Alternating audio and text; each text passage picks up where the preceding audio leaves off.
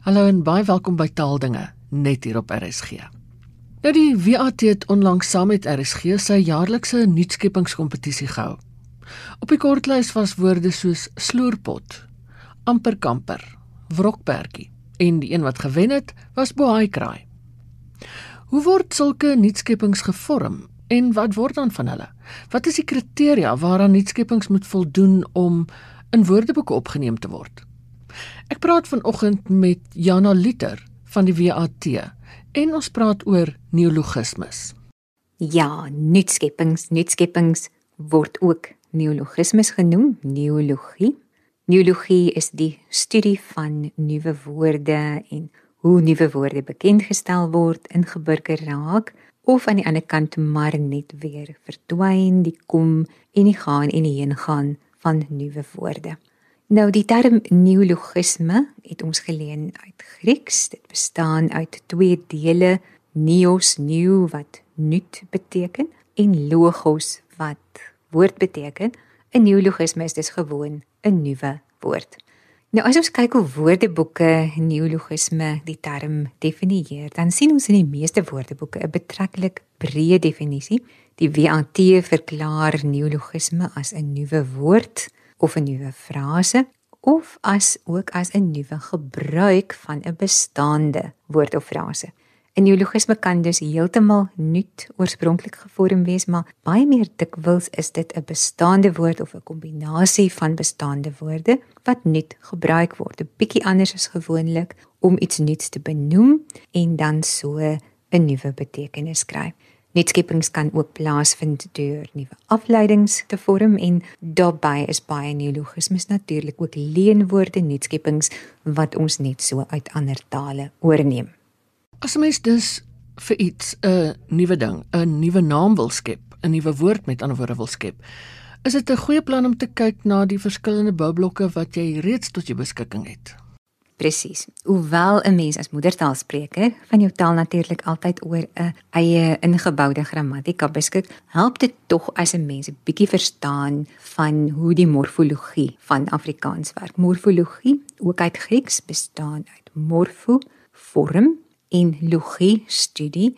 Morfologie, dus die studie van die verskillende dele, die onderdele waaruit iets opgebou is of opgebou word ons kry plantmorfologie en geomorfologie en dan die morfologie van woorde.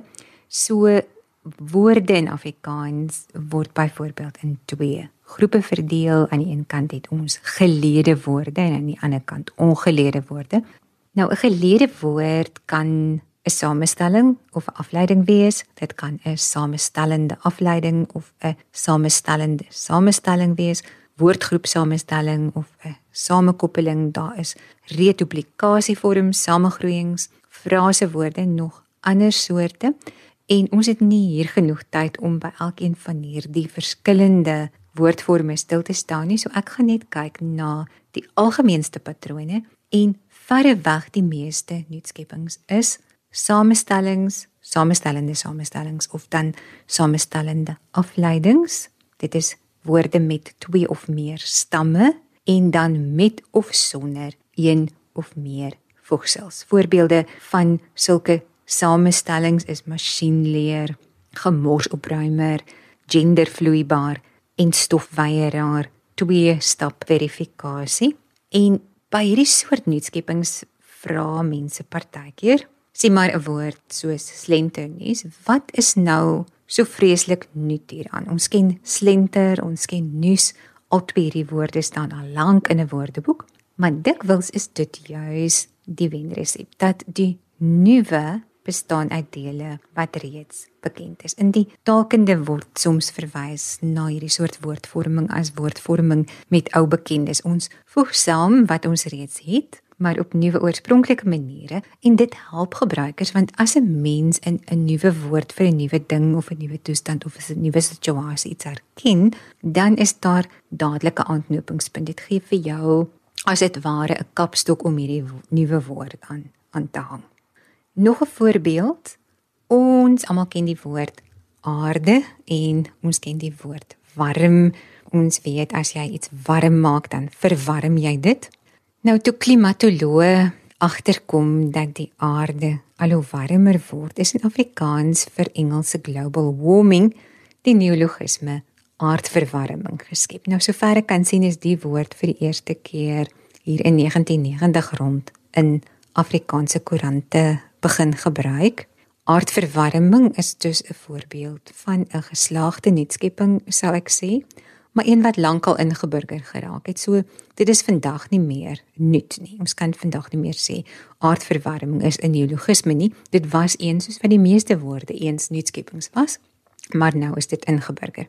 Maar nou sien ek die week David van Lille op Facebook vaai skryf as wurms die wêreld oorneem, dalk as gevolg van aardverwarming, dan sê hy sal die wurminfestasie bekend wees as aardverwarming.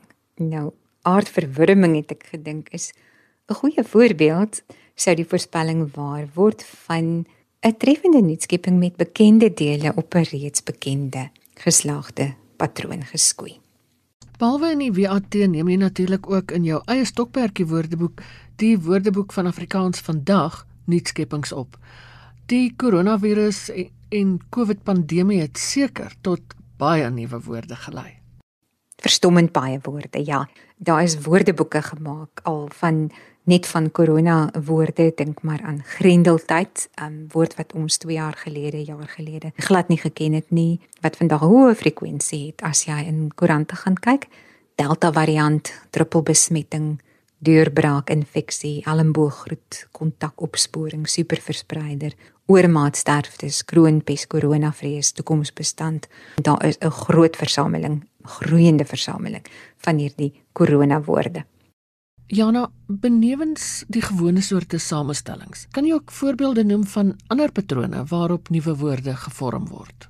Ja, 'n interessante een is dalk kombinasiewoorde of ook saamgesmelte woorde genoem in Engels, ook in Nederlands uit Frans word hulle portmanteau words genoem, portmanteau woorde. 'n Portmanteau in Afrikaans, um, die ou mense het sommer gepraat van 'n portmanteau, vir 'n portmanteau, um, dit is daar die ou tydse soort reistas of koffer. Dit was van leer wat 'n mens dan nou plat oop kan vou en en dan is daar nou twee ewe groot helftes wat kan oopvou. Nou sulke portmanteau woorde is twee woorde wat in mekaar geskuif word en waarvan dan van die een of van die ander in die proses 'n stukkie afbreek. Voorbeelde in Engels van so 'n kofferwoord is Brexit, Britain en exit. Brexit en wanneer mense die patroon dan eers ken, vorm hulle op dieselfde patroon maklik ook ander woorde. Toe daar sprake was dat Griekeland dalk ook sou exit is, Brexit gevorm.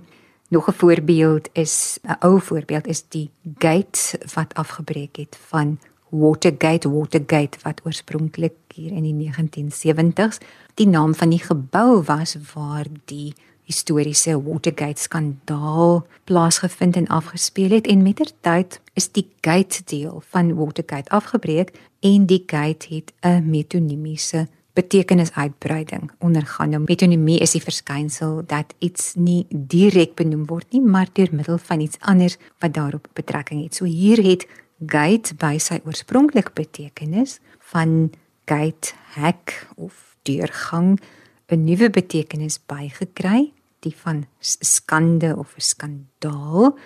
En oor die jare is baie soortgelyke ineenskuivings met gate gevorm in die onlangse Suid-Afrikaanse geskiedenis was daar byvoorbeeld in Kandla Gate en Zupta Gate nog 'n voorbeeld onlangs het ek uit Vry Weekblad die nuutskepping Tsotsiliticus geëkserpeer meervoud Tsotsiliticus of Tsotsiliticus nou ek vermoed die een is gemunt deur Hans Pinaar wat hierdie woord Tsotsi wat 'n leenwoord is uit 'n ander taal gevat het.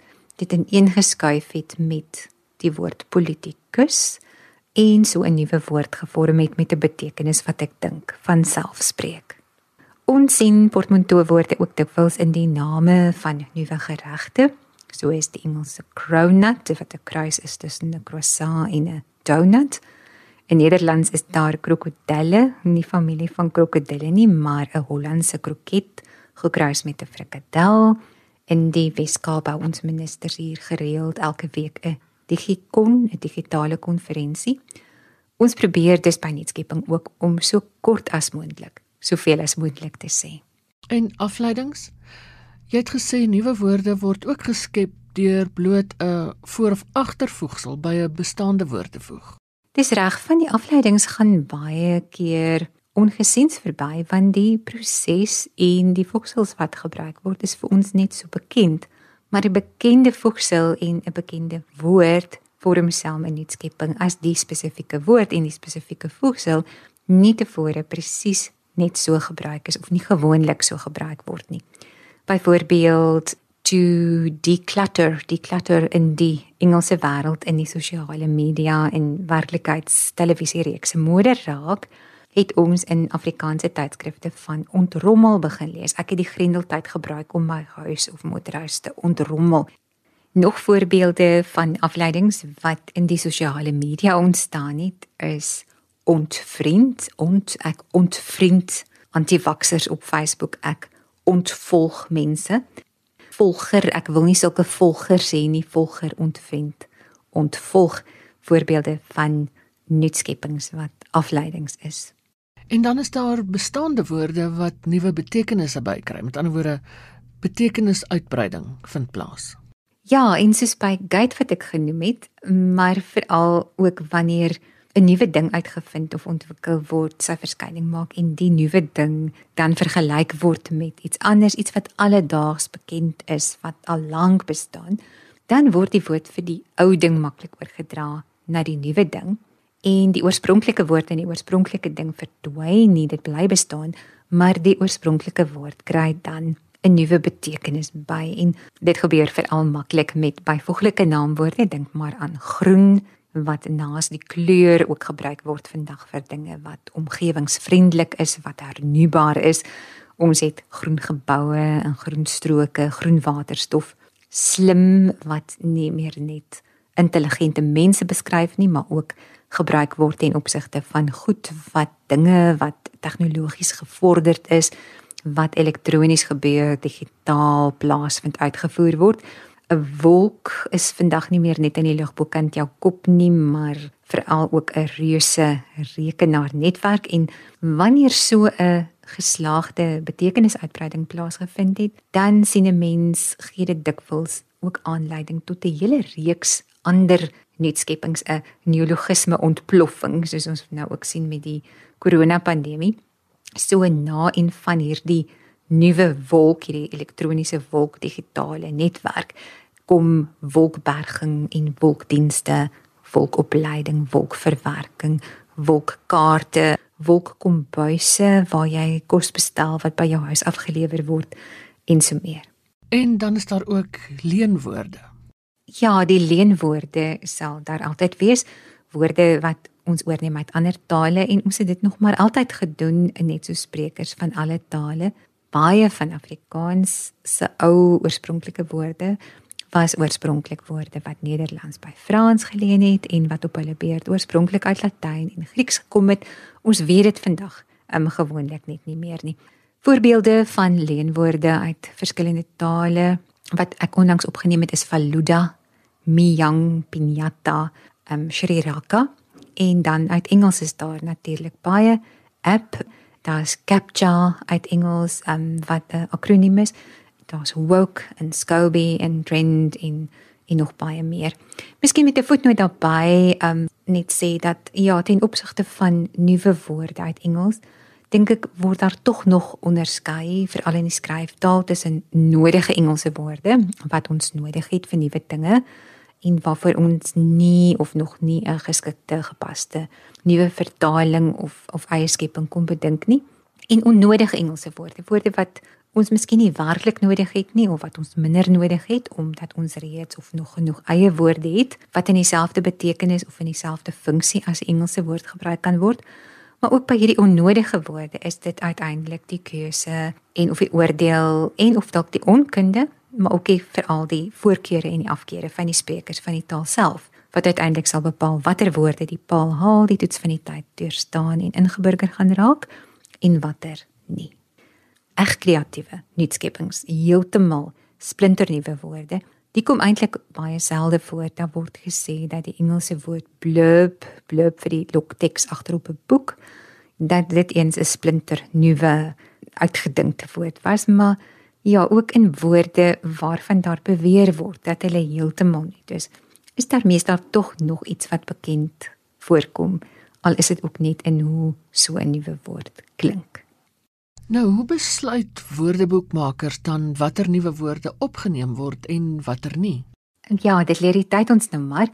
Daar is Amerikaanse taalkundige Allen Metcalf. Hy het vir die besluit of 'n nuutskepping in 'n woordeboek opgeneem moet word of nie of dit al gereed is om opgeneem te word. Het Metcalf ons die sogenaamde fudge toets daargestel waar elke letter van die woord fudge vir die beoordeling van nuutskeppings 'n belangrike maatstaf of kriterium aandui. So die F staan vir frequency ons hou groot korpusse van eie tydse taalgebruik dop, die sosiale media, die gedrukte media. Ons stel letterlik hoeveel keer ons die woord in verskillende bronne raak kan sien. Dan is daar die U, dit staan vir unobtrusiveness, onopvallendheid. 'n Nuwe woord moenie te sterk opval nie, dit moenie te sterk in die oog spring nie. Die D van fudge, die staan vir diversiteit, diversity of users and situations. Hoe meer verskillende sprekers en skrywers in verskillende situasies die woord begin sien van die woord hou, dit ook begin gebruik, hoe groter word 'n woord se kans op oorlewing. En die G, die staan vir generational forms and meanings. As 'n woord op verskillende maniere verbuig en vervoeg kan word as dit 'n meervoud trappe van vergelyking verlede tydsvorm kan kry, dan word die kans op sukses nog groter en die E ten slotte staan vir endurance of the concept, die uithou vermoë van 'n woord. 'n Woord het meer kans, groter kans op sukses as die ding of die begrip wat dit beskryf bly voortbestaan en nie net 'n kortstondige modeverskynsel of 'n eendagsvlieg is nie. En dit is die fudge toets. Jana, en hoe dink jy vaar die inskrywings vir Afrikaanse nuutskeppingskompetisies gemeet aan hierdie toets waarvan jy nou net gepraat het? Dit is dalk die moeilikste vraag om te beantwoord. In sy netwerk 24 rubriek taalkrye van so 2 weke terug, daar skryf professor Donovan Lawrence van die UWK onder die opskrif dis van flippentasties wat terloops nog 'n vorm van nuutskepping illustreer naamlik kragwoord inlywing dis van flippen van flippentasties um, dis 'n mooi nuutskepping nou daar skryf professor elke keer as hy Afrikaanse nuutskeppings iewers raak lees, is dit nie net die kreatiwiteit van die woordvorming wat hom opval nie, maar ook die klankrykheid van die samestelling en hoe gemaklik die allitererende klanke en assonansie op die oor val. In hierdie alliterasie en die assonansie illustreer hy dan met die volgende voorbeelde. Hy noem bakkie brakkie, gegilgras, glansgans vir 'n celebrity. Grendelglipsie 'n grendelglipsie baba wat in die grendeltyd verwek is kooi vloei vir 'n laatslaper mooi plooi vir 'n cleavage luskus is 'n love bite draai braai vir 'n rotisserie krater flater epic fail en 'n emosie dosie vir 'n memory box.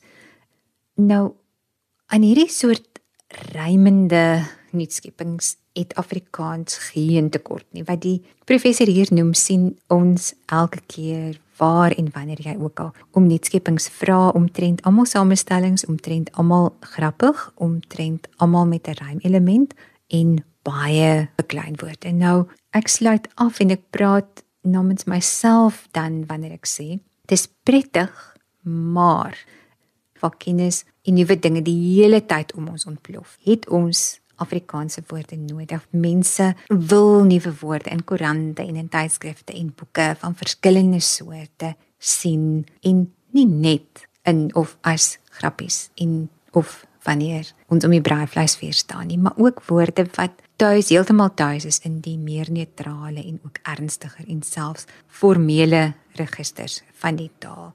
Dis lekker om kreatief te wees. Dis lekker om te speel met taal en om hierdie speelse skepings te sien. Ons moenie ophou om dit te doen nie.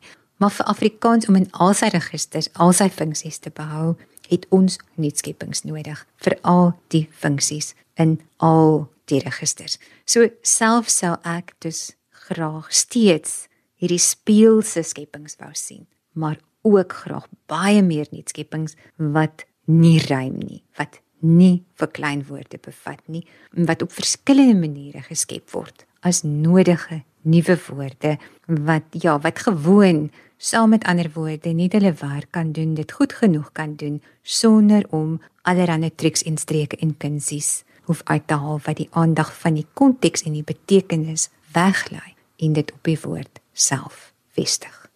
Dit was Jana Luther van die WAT. En daarmee groet ek ook. Geniet die res van die dag in RSG se geselskap. Bly veilig, bly gesond. En van my Ina Strydom groete. Tot 'n volgende keer.